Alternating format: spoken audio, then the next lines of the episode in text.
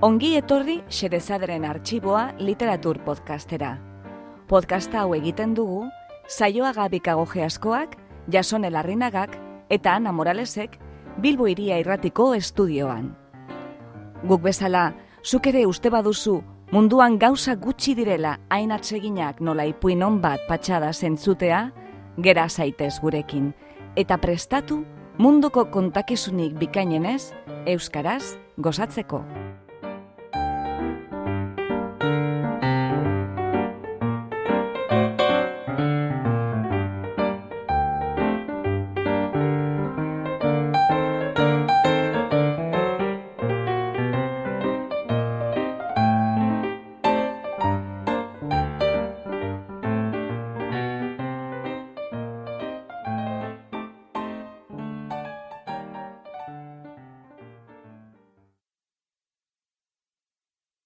Gaur, Xerezaderen arxiboan, Jorge Luis Borgesen banatuz doazen bidezken jardina. Euskarazko itzulpena, Juan García Garmendia. Jorge Luis Borges Argentinan jaio zen mila sortzideun da larogeta emeretzian eta suitzan hil zen mila bedatzeun da larogeta zeian. Hogei garren mendeko idazle eta eruditorik eragingarrienetako bat izan da. Poesia entzeiuak eta ehundaka ipuin idatzi zituen. Bi ezaugarri nabarmentzen dira Borgesen ipuinetan. Batetik, elementu fantastikoa edo errealismo magikoa. Bestetik, gogo eta filosofiko originala. Borgesek hala ere, ez ditu bere ipuinetan ideia filosofikoak asaltzen. Gorpuztu egiten ditu literaturaren bidez.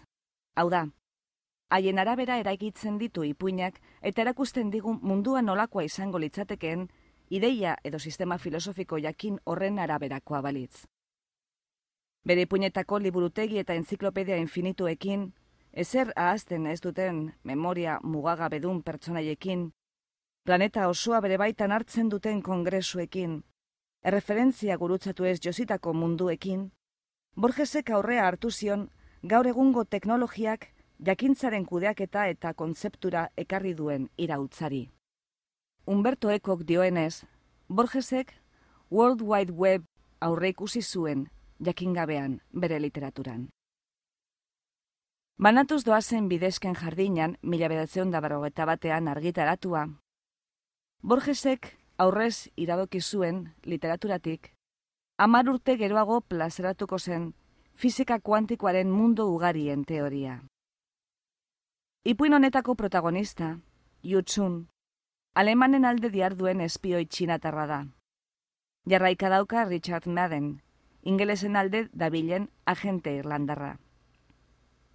Jutsunek mesu bat bidali behar dio bere nagusia alemanari Richard Maddenek bera harrapatu baino lehen. Horretarako, Albert izeneko gizon baten etxera joatea erabakitzen du. Jutsunek ez du Albert ezagutzen, baina kasualitate harrigarri batez suertatzen da Albert Jaun hori, sinologoa izatea, txinako kulturan aditua, eta urte asko eman izana, jutsunen arbaso baten lan amaitu gabe biren peskizan, laberintoa eta novela infinitua. Kasualitatea benetan, ataka horretan topo egitea jutsunek bere arbasoaren arrastoarekin. Kasualitatea, auskalo, Paul Eluagdek esan zuenez, badira beste mundu batzuk, baina denak ere honetan daude. Banatuz doazen bidezken jardina, Jorge Luis Borges. Victoria Ocampori Lidl Harten Europako gerraren historiako berreonda berrogeta bigarren horrialdean irakur daitekeenez, Britaniar armadaren amairu dibiziok, artilleriako mila eta lareun pieza lagun, zer montoban lerroaren aurka jo behartzuten mila bederatzeun damaseiko ustailaren hogeta lauan, baina hogeta bederatzirako utzi behar izan zen erasoa. Erauntzi izugarriek eragin zuten, ala jasotzen du Lidl Hartek, atzerapen ia utz hori. Txintauko joxuleko ingeles kateraduna izandako jutsun doktoreak diktatu berri irakurri, eta izenpeturiko aitorpen honek ordea, ustegabean argi berria diamagu kontu horren gainean. Hasierako bi horriak falta dira. Eta telefonoa eseki nuen. Eseki, eta berehala ezagutu nuen alemanez erantzun zidan hautsa. Richard Madden kapitainaren zen.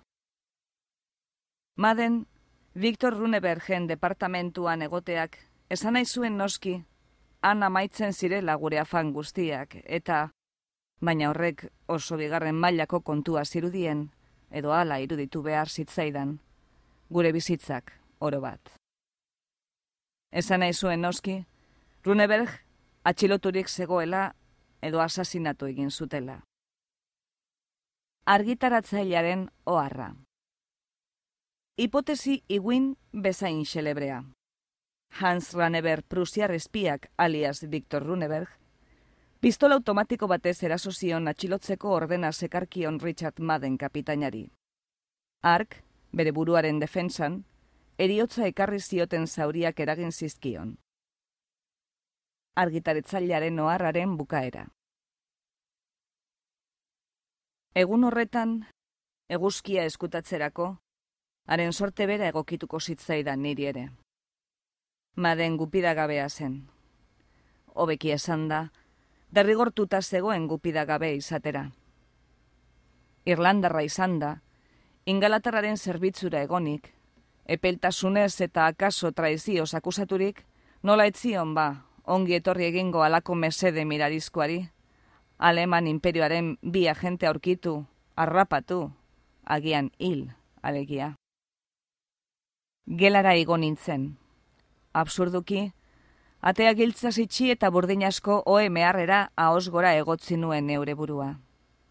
Leioan, betiko telatuak ageri ziren, eta seietako eguzki lainotua. Ezin nuen sinetzi, aurre santzurik eta simbolori gabeko egunura zatekenik, nire eriotza gupidagabearen eguna. Neure aita hila gora bera, haifengeko jardin simetriko batean zebilen aurra izan agora bera. Ilegin beharroten nuen nik orain. Gero, gogoetatu nuen, justu norberari gertatzen zaizkiola gauza guztiak. Justu oraintxe. Mendeak eta mendeak, eta soilik orainaldian gertatzen dira gertatu beharrak. Ezin konta ala gizon airean, lurrean eta itsasoan, eta benetan pasatzen den oro, niri pasatzen zait. Madenen zaldi aurpegiaren oroipenia jasan ezinak galara zizizkidan gogo eta deslaiok. Neure gorrotoaren eta neure izuaren erdian, orain etzaita xola izua ipatzea. Richard Madeni ziria sartu diodan honetan, nire zintzurrak soka irrikitzen duen honetan. Neure artean egin nuen Gudarik alapitatzu eta dudarik gabe, zoriontzu horrek, ez zuela susmatzen sekretuaren jabe nintzenik. Ank ibaian, Britainiarrek eraiki berri zuten artilleria tokiaren kokaleku zehatzaren izena, hain zuzen. Txori batek, zeru grisean marra bat egin zuen, eta nik itzukia ere plano bat irudikatu nuen, eta ere plano hartatik beste asko, frantses, zeru gainean, bomba vertikalez artilleria tokia suntzitzen. Nire hauak, bala batek desegin baino lehen, oiukatu albalu izen hori Alemanian entzuteko moduan. Nire giza hotza eskasa zen. Nola helarazi nagusiaren belarrira. Gizon gaxo, gorrotagarri horrengana. Zeinak espaitzekien rune bergez eta nitas, Staffordshireen ginela baizik, gure berrien zain baitzegoen, alferrik, antxe, berlengo bulego elkor hartan, egunkariak infinituki arakatzen. Osenki esan nuen, ies egin behar dut. Otsi gabe tentetu nintzen, isiltasun alferrik bete-betean. Alegia, maden jadanik zelatan balego bezala. Zerbaitek, Behar bada eskuran euskan baliabideen ezereza arro erakutsi beharrak berak. Poltsikoak miatzera bultzatu ninduen. aurrez nekiena topatu nuen. Ipar Amerikar erloiua, nikelesko katea eta dirupe sakarratua. Giltzailua, Runebergen departamentuko giltza komprometegarri bezain alferrikakoekin. Libreta. Gutun bat, berehala austea erabaki nuena, eta hautsi ez nuena. Pasaporte faltsua, korona bat, bitxelin eta penike batzuk. Lapiz gorri urdina, musu zapia. Errebolberra, bala batekin. Absurduki, eskua zoratu eta burdinaren pisua astatu nuen, neure buruari adore ematearren. Lausoki bururatu zitzaidan pistola baten tiro hotza oso urrutitik entzun daitekela. Amar minutuan plana ondurik neukan. Telefono gidak eman zidan berri ura igortzeko gaizen pertsona bakarraren izena. Fentonen aldiri batean bizi zen ordu erdi baino gutxiagoko bidea trenez. Azki gizon kikila naiz. Orain diot, orain, inok arriskutzu dela ukatzerik ez daukan plan bat, arrakastaz burutu dudan honetan. Izugarria izan zela, ongi asko dakit. En nuen, ez, Alemaniaren gatik hartu lan hori. Bosta xola niri espia izate doior honetara behartu nauen herri barbaro hori. Gainera, ingalaterrako gizon bat ezagutzen dut. Gizon apal bat. Niretzat, gete baino gutxiago ez dena. Ordu betetik gora ez nintzen arekin mintzatu. Baina ordu bete horretan, gete izan zen. Nagusiak nire arrasakoak, nigan bat egiten diren ezin konta alar basoak, gutxi esten zituela sentitzen nuelako hartu nuen nik lan hori. Hori batek bere armadak salba zitzakela frogatu nahi nion.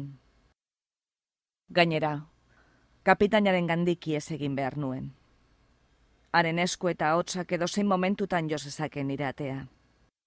Hotzik atera gabe jantzi nintzen. Izpiluan neure buruari agurrezan, eskailera jaitzi, kale patxadatzua begizorrotze zarakatu, eta kanpora irten nintzen. Geltokia etzen etxetik oso urruti, baina nahiago izan nuen kotxe bat hartzea. Artara, inok ezagutzeko arrisku gutxiago nuela argudiatu nuen. Kontua da, kale jendegabean ikusterraz eta ondabera sentitzen nintzela infinituki.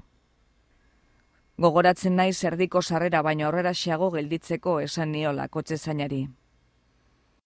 Astiro jaitsi nintzen, berariaz, makaltasun ia penagarriz. Asgrovko erriskaran indoan, baina urunagoko geltoki baterako txartela hartu nuen. Trena, handik minutu gutxira irtetekoa zen, sortziak eta berrogeita marrean pausoa bizkortu nuen. Urrengoa bederatzi terdietan zen. Etzen ia inor nasan. Bagoia korritu nituen. Gogoratzen ditut nekasari batzuk, doluz jantziriko emakume bat. Tasitoren anales direlakoak, gogo biziz irakurtzen ari zen gizaseme gazte bat. Soldado zauritu, zoriontzu bat. Abiatu ziren azkenean bagoiak. Aixe ezagutu nuen gizon batek lasterka ekin zion alferrik nazaren muturreraino. Richard Madden kapitaina zen. Erabat lur jota, ikaraz, eserlekuaren beste puntan antxe gelditu nintzen kuskur kuskur eginek, nire beldurretako kristaletik urrun. Lur jotze hartatik, alako zoriontasun zital batera pasatu nintzen. Nire artean egin nuen, buruz burukoa hasita zegoela noski, eta lehen ekinaldia nik irabazia nuela. Itzur egin bainion, berrogein minutuz bederen, ala beharraren mesede bati esker bederen, nire aurkariaren erasoari. Argudiatu nuen, garaipen apur horrek, erabateko garaipena iragartzen zuela.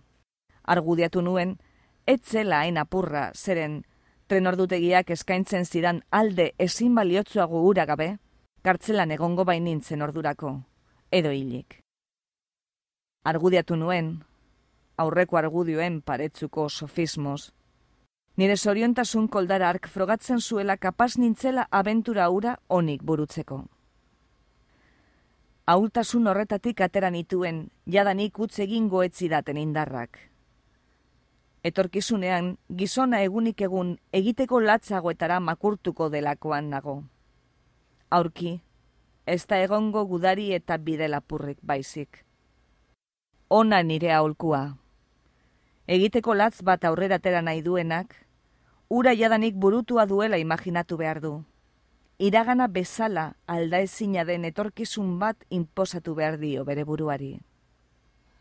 Hala jokatu nuen nik, eta nire begiek, jadanik hilik zegoen gizon baten begiek. Hauteman zuten nola isurtzen zen apika askena zatekeen egunura, eta nola zabaltzen zen gaua. Trena, laster leunean zijoan, lizar artetik. Alako batean gelditu egin zen, landa erdiania. Inoketzuen geltokiaren izenik oiukatu. Ashgrove, galdegin nien nasan zebiltzan mutiko batzuei. Ashgrove, erantzun zuten. Trenetik jaitzi nintzen. Lampara batek argistatzen zuen nasa, baina aurren aurpegiak itzalpean zeuden. Batek ita zidan. Stephen Albert doktoraren etxera doa berori? Erantzunari itxaron gabe, beste batek berriz. Etxea mendik urruntxu da, baina berori ez da galduko baldin eta horrako eskerreko bide hori hartu eta bidiru gurutze bakoitzean eskerretara jotzen badu. Txampon bat bota aurrei, azkena arrizko maila batzu jaitzi, eta bide bakartian abiatu nintzen. Bidea, leun, leun, maldan behera zijoan. Lur gordina zuen zoru, goian adarrak naz maaz, ilargia pal biribilak lagun segidala zirudien. Une batez, Richard Madenek nola edoala nire asmo etxiari antzema notezion pentsatu nuen bere konturatu nintzen, ezin eskoa zela. Beti eskarretara jotzeko alkuak, gogora ekarri zidan uraxe zela zenbait laberintotako erdiko gunea aurkitzeko prozedura arrunta. Badut laberintoen berri apur bat. Enaiz alferrik txuipen ospetsuaren birbilo ba. Nire birraitona ark, junango gobernadore izan ondoren, zerupeko botereari uko egin eta Hung Lu Meng bera baino ere jendetzuagoa izan behartzuen novela bat idazteari, eta gizon guztiak galduko ziren labirinto bat eraikitzeari eman zitzaion. Amairu urte eskaini zizkien hain neke heterogeneoi, baina arrotz baten eskuak asasinatu zuen, eta novela zentzugabea zen, eta inok ez zuen labirintoa aurkitu. Ingeles zuaitzenpean, gogo eta egin nuen laberintu galdu horretaz. Irudikatu nuen arroz zailek ezabatua edo urpean, irudikatu nuen infinitua. Ez, oidenez, kiosko txabatuz eta itzultzen diren zidorrez osatua, baizik eta ibaiz eta probintziaz eta erreinuz. Labirintuen labirinto bat imaginatu nuen, laberintu biurgunetzu gero eta handiago bat, iragana eta etorkizuna barne hartuko zituena, eta argizagiak ere nolabait implikatu. Lilura hoietan murgildurik, nire patua, etxaiak atzetik dabilzkion gizonaren paradero tristea, ahaztu egin nuen. Denbora puskane urgaitz batez, munduaren atzemaile abstraktutzat jo nuen eure burua. Landalde zehazkabe eta era berean biziak, ilargiak, arratsaldearen ondarrek, oie guztiek eragin zidaten noski. Oro bat malda beherak, espaitzion nekeari inolako aukerarik ikusten. Arratsaldea, intimoa zen, infinitua. Bideak beheran egiten zuen eta tarteka bitan banatzen, larre bestela ere bere izgaitzen artean. Silabakakoa zirudien musika zorrotz bat urbildu eta urruntzen zen aizearen aratonatean, ostos eta distantziaz blai. Otu zitzaidan gizon bat, beste gizon batzuen etxai izan daitekela. Beste gizon batzuen une batzuena, baina ez herrialde batena. Ez ipurtargi, itz, jardin, uribili, mendebalena. Alatan iritsi nintzen erdoilduriko atalde garai batera. Burdin artetik, sumardi bat eta pabilloi moduko bat igarri nituen. Betbetan konturatu nintzen bi gauzaz. Deus apartekorik ez zuena lehenbizikoa. Bigarrena, berriz, guztiz ere harrigarria. Musika ura, pabilloitik zetorren. Txinatarra zen musika.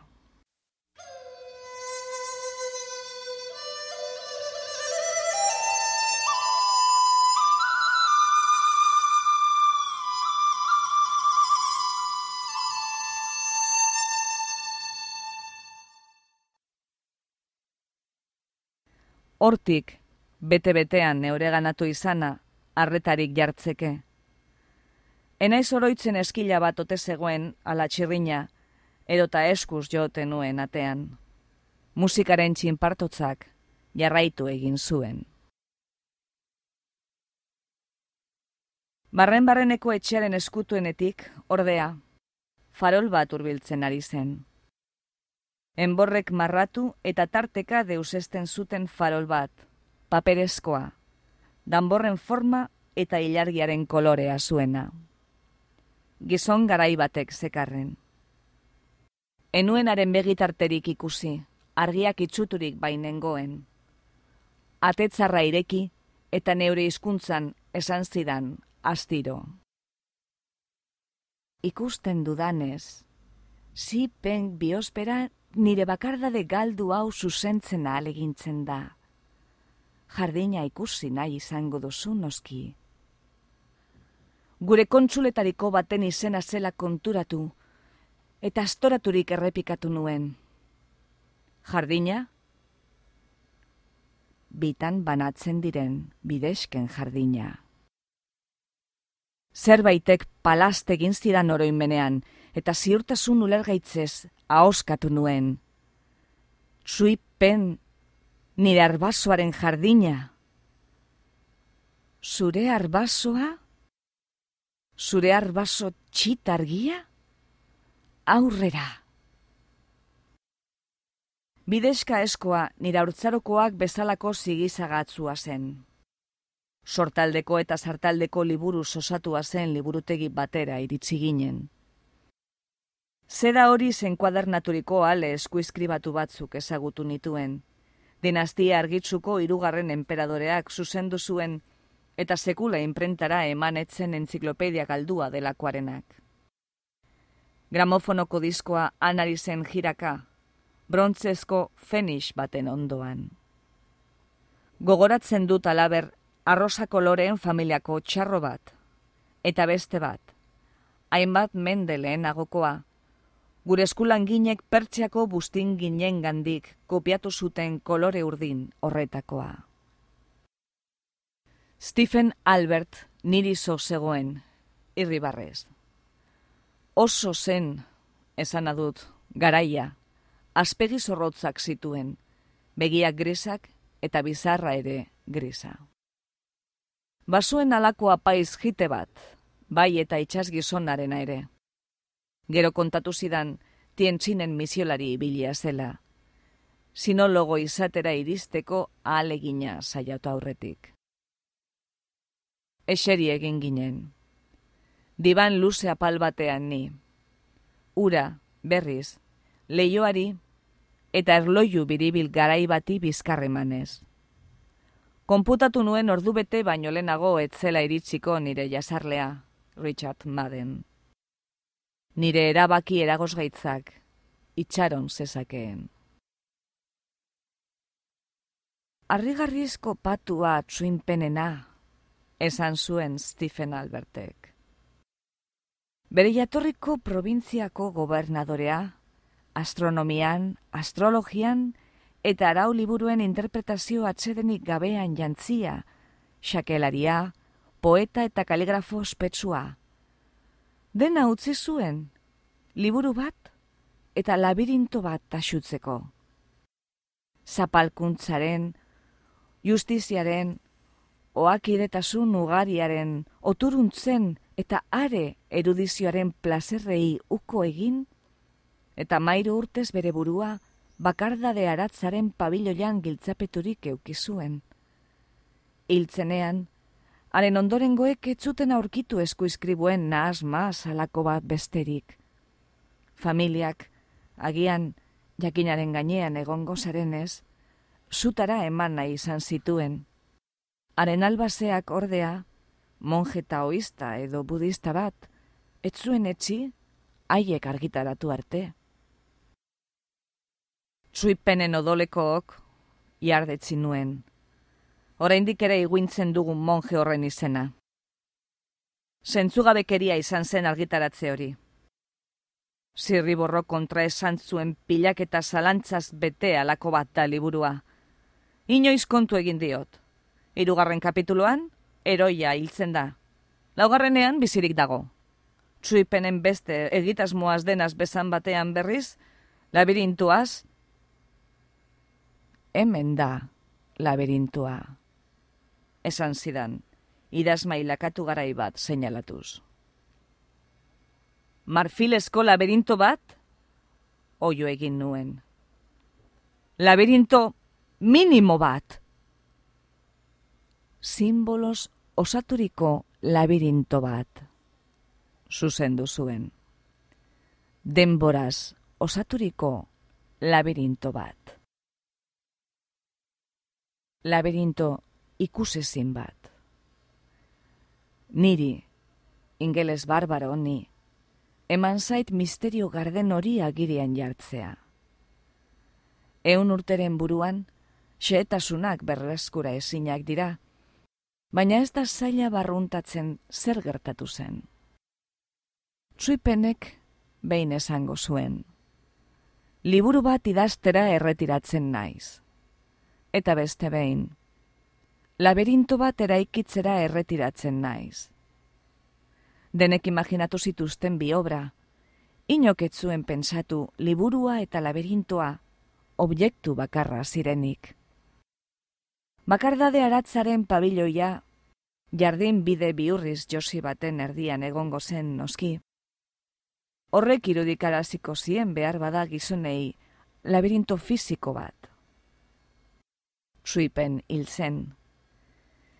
Inok ere, haren eskuko izan ziren lur zabaletan, ez zuen laberintoaren arrastorik aurkitu. Nobelaren nahazmenak pentsarazi zidan bera zela laberintoa. Bizertzeladak eman zidaten korapiloaren askabide zuzena. Bat, tsuipenek infinitu peto-petoa izango zen laberinto bat eratu nahi zuelako lehenda bitxia. Bestea, aurkitu nuen gutun zati bat. Albert altxatu egin zen. Une batez, bizkarra eman zidan. Idazmai urre eta ubel koloreko hartako tiradera bat ireki zuen. Itzultzean paper bat zekarren, noizbait gorri bizi izana. Orain, berriz, arrosa kolore, mehea, kuadrikulatua. Bidezkoa zen txuipenen kaligrafo ospea. Ulertzeke irakurri nituen gogo biziz, neuredoleko gizon batek guztizko pintzel zehatzez idatzi zituen hitz hauek. Etorkizun anitzei usten diet, ez guztiei, bitan banatzen diren bidesken jardina. Isili-isilik itzuli nion horria. Albertek jarraitu egin zuen. Gutun hau ilunbetik atera arte, neure buruari galde ginen nion ia nolatan izan liteken liburu bat infinitua. Liburu zikliko, zirkular bat izatea besterik ezitzaira notu. Liburu bat zeinean azken horri aldea, lehen bizikoaren berdin alizen, ala, azkenik gabeko jarraibidea luen. Mila eta bat gauen erdian den gau hori ere gogoratu zitzaidan, nola xerezad erregina, kopistaren magia joko harrigarri batez, mila eta bat gauak itzesitz kontatzen hasten den. Hala, ura kontatzen dueneko gau hartara berriro iristeko kinkain jarririk, eta horrela, infinituraino. Halako obra platoniko, ondorengorik ondorengo iragan bat, aitatik semera jarauntzia, zeinean, kizabanako berri bakoitzak, kapitulo bat emendatuko lukeen, edo ardura zintzo-zintzoz zuzendu zaharragoen idazkia. Asmabide hoietan murgildurik ibili nintzen, baina haietako ezein ere ez etorren noski bat, ez da nolabait apurrenean ere, txuipenen kapitulo kontraesanez josiekin. Zarantzasko ez bide horretan nengoela, zukarestian irakurri duzun eskuiskribu hori igorrezidaten Oxfordetik. Pentsatzekoa denez, horrako esaldi horrek bere ganatu zidan narreta. Etorkizun anitzei usten diet, ez guztiei, bitan banatzen diren bidesken jardina. Ia bet-betean ulertu nuen. Bitan banatzen diren bidesken jardina, novela naz maaz ura zen, etorkizun anitzei ez guztiei esaldiak, iradoki zidan, bitan banatze hori esote zen denboran zehar ulertu behar, eta ez espazioan. Obra berriro bere osoan irakurririk, argi zegoen alaxe zela. Historio orotan, gizon batek, aukera bat baino gehiagoren aurrean gertatzen denean, bat hautatu eta besteak ezeresten ditu. Tsuipen asmagaitzarenean berriz, denak hautatzen ditu aldi berean. Hala, etorkizun bat baino gehiago, denbora bat baino gehiago sortzen du, eta hietako bakoitza, oro batu galdu eta banatzen da. Hortik nobelaren kontraesanak. Fangek, esate baterako, sekretu bat dauka. Ez ezagun batek jotzen du haren atean. Fangek, hiltzea deliberatzen du.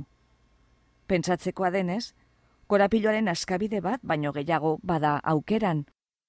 Fangek sarkina hil dezake. Sarkinak fang hil dezake. Biak ere salba daitezke. Biak ere hil daitezke. Eta bar. Suipenen obran askabide guztiak gauzatzen dira. Bakoitza beste banaketa batzuen abia puntua da. Noizbait, laberinto horretako bideskek bat egiten dute. Adibidez, zu etxe honetara iristen zara, baina aukerako iraganetako batean, zu nire etzaia zara. Beste batean, laguna. Nire auskera moldagaitz zonengatik asolarik espadizu, horrialde batzuk irakurriko dizkizut. Begitartea, lanpararen zirkulu argitzuan, agure baten azuen dudarik gabe baina zerbait hauts gaitz eta are ileskorra ere ageri zen aurpegi hartan. Zehaztasun geldo irakurri zituen kapitulo epiko baten beraren bi idazketa. Lendabizikoan, gudaroste bat gudu batera doa mendi mortu batetik. Arrien eta itzalaren izuak jota, ez du gehiago bizitza galtzeko axolarik, eta erraz lortzen du garaipena. Bigarrenean, berriz, Festa bat ospatzen ari den jauregi batetik iragaten da gudaroste bera. Gudu distiratzua, festaren jarraipena iruditzen zaie, eta garaipena lortzen dute. Nik, zegokien jaidura zentzuten dituen historio zaharrok. Apika, ezain miragarriak berez, nola baitzen miragarri, neurodolak asmatuak izatea, eta imperiurrun bateko gizon batek ala niri bihurtzea, abentura etzi baten arian, sartaldeko uarte hartan. Gogoan ditu tamailerako hitzak, mandamendu sekretu baten gisa, idazketa bakoitzean errepikatuak. Ala gudukatu ziren eroiak, bihotz miresgarria lasai, bortitza espata, biziak endu eta galtzera etxirik. Une hartatik, neure inguruan eta neure gorputz ilunean, alako pirpir ikusezin ukiezin bat sumatu nuen. Ez, ala ere, gudaroste divergente, paralelo, eta azkenik bat eginen pirpira. Bestelako igidura elgaitzago, barrenekoago bat paizik. Armada hoiek nolabait iragartzen zutena. Stephen Albertek solasariekin zion. Ez dut uste zure arbaso txitargiak, variazioetara jolasten jardungo zuenik ola-ola. Ez da noski pentsatzekoa, esperimentu erretoriko bat infinituki errepikatzeari sakrifikatuko zizkionik amairu urte luze. Zuen herrian, bigarren mailako generoa da novela. Gara hartan oso estimo gutxian zeukaten. Tsuipen novela gile geniala izan zen, baina ura zen bezalako letrak eson batek, etzuen noski bere buruan novela gile soiltzat joko haren garaikiden testigantzak argi usten du eta haren bizitzak garbi asko baiesten, metafizika eta mistika alderako zuen joera. Filosofia eztabeidak nobelaren zati handi bat hartzen du. Problema guztietatik, ondo dakitori, eseinek etzion kezka eta lan handiagorik eman, nola denboraren problemak. Ba, horixe da, jardinaren horrialdeetan agertzen ez den bakarra. Denbora esan nahi duen hitza bera ere ez dakar. Zea salbide emango zeniokezuk jokabide horri. Soluzio batzuk proposatu nituen, ez gogobetekorik bat ere ordea. Ez baian jorratu genituen. Azkenean, Stephen Albertek onela esan zidan. Gaitzat xakea duen asmakizun batean, zein da galarazirik dagoen hitz bakarra. Apur batez gogoeta egin, eta iardetzi nuen. Xake hitza. Hain zuzen, esan zuen albertek.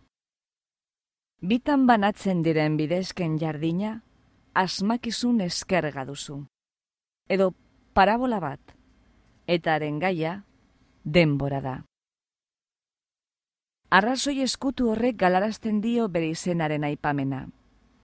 Hitz bat sekula ere ez erabiltzea, metafora traketzetara eta perifrasi begibiztakoetara jotzea, ura adierazteko modurik enfatikoena dateke. Eta modu biurri hori da, truipen zeharzaleak, bere novela ibai aitezinaren biurgune bakoitzean hautatu zuena. Eunka eskuizkribuak alderatu ditut.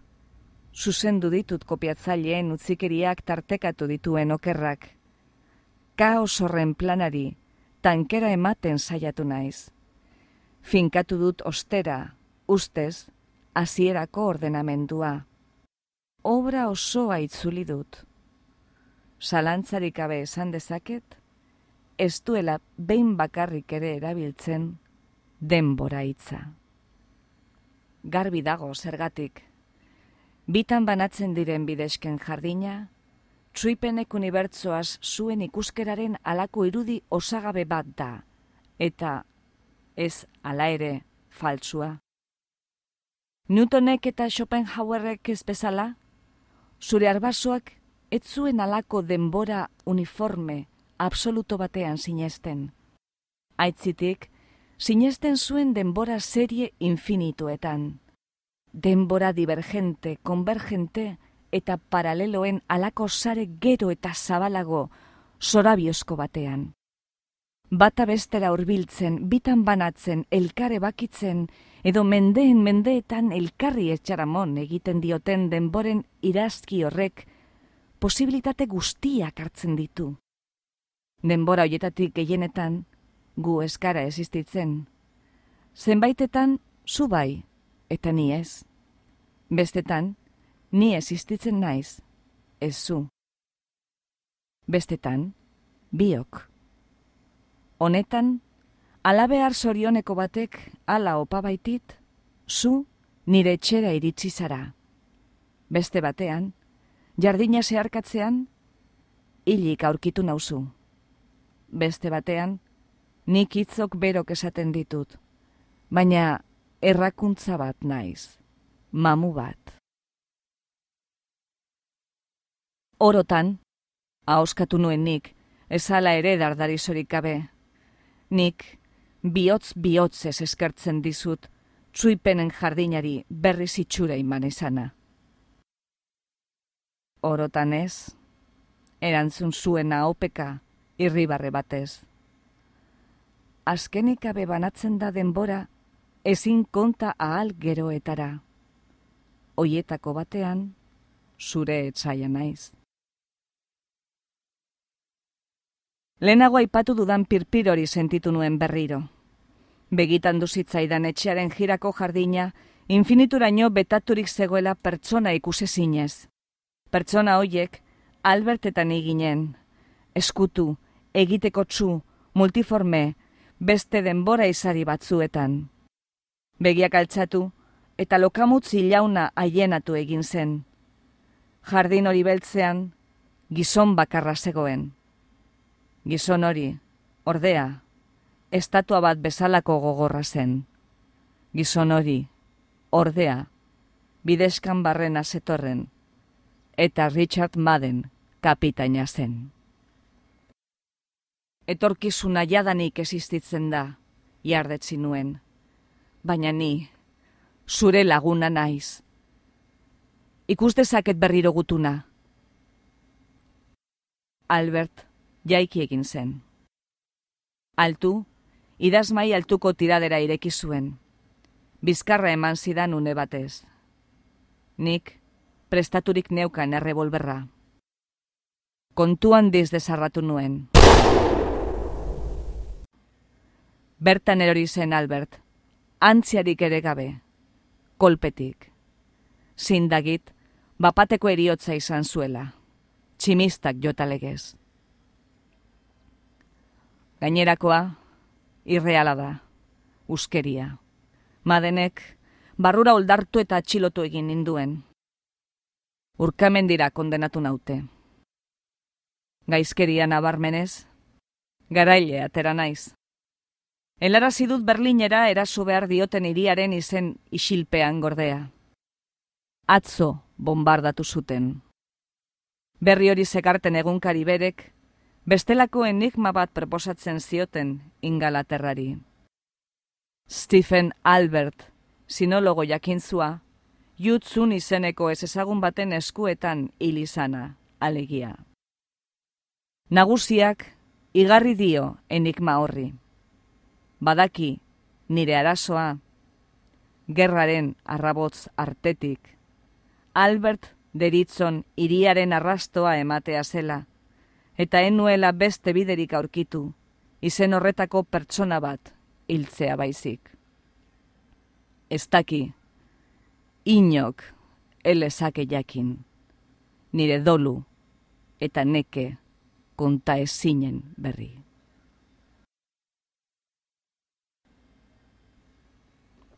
Entzun duzu Jorge Luis Borgesen banatuz doazen bidesken jardina.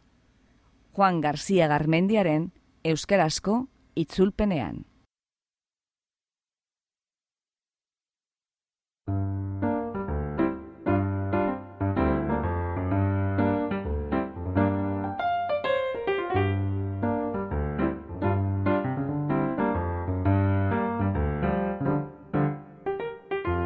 Xerezaderen artxiboko beste atal bat entzun duzu. Gure doinoa da, Charleston Behind the Attic Door, Dance of the Wind taldearena. Efektuak freesoundetik hartuak dira. Iru ubebikoitz puntua freesound puntua org. Podcast hau egiten dugu, saioa gabikago geaskoak, Jasone Larrinagak eta Ana Moralesek Bilbo Iria Irratiko estudioan.